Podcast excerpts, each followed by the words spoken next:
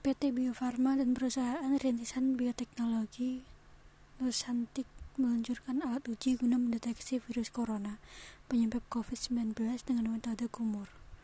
Metode kumur disebut jauh lebih nyaman untuk mendeteksi keberadaan virus corona atau SARS-CoV-2 dalam tubuh pasien dengan atau tanpa gejala. Di dalam keterangan resmi yang diterima hltliputan6.com pada Senin 5 Juli 2021 dijelaskan bahwa pengembangan biosaliva melibatkan 400 lebih sampel dari pasien positif COVID-19, baik pasien rawat jalan maupun rawat inap, serta riset validasi selama 7 bulan.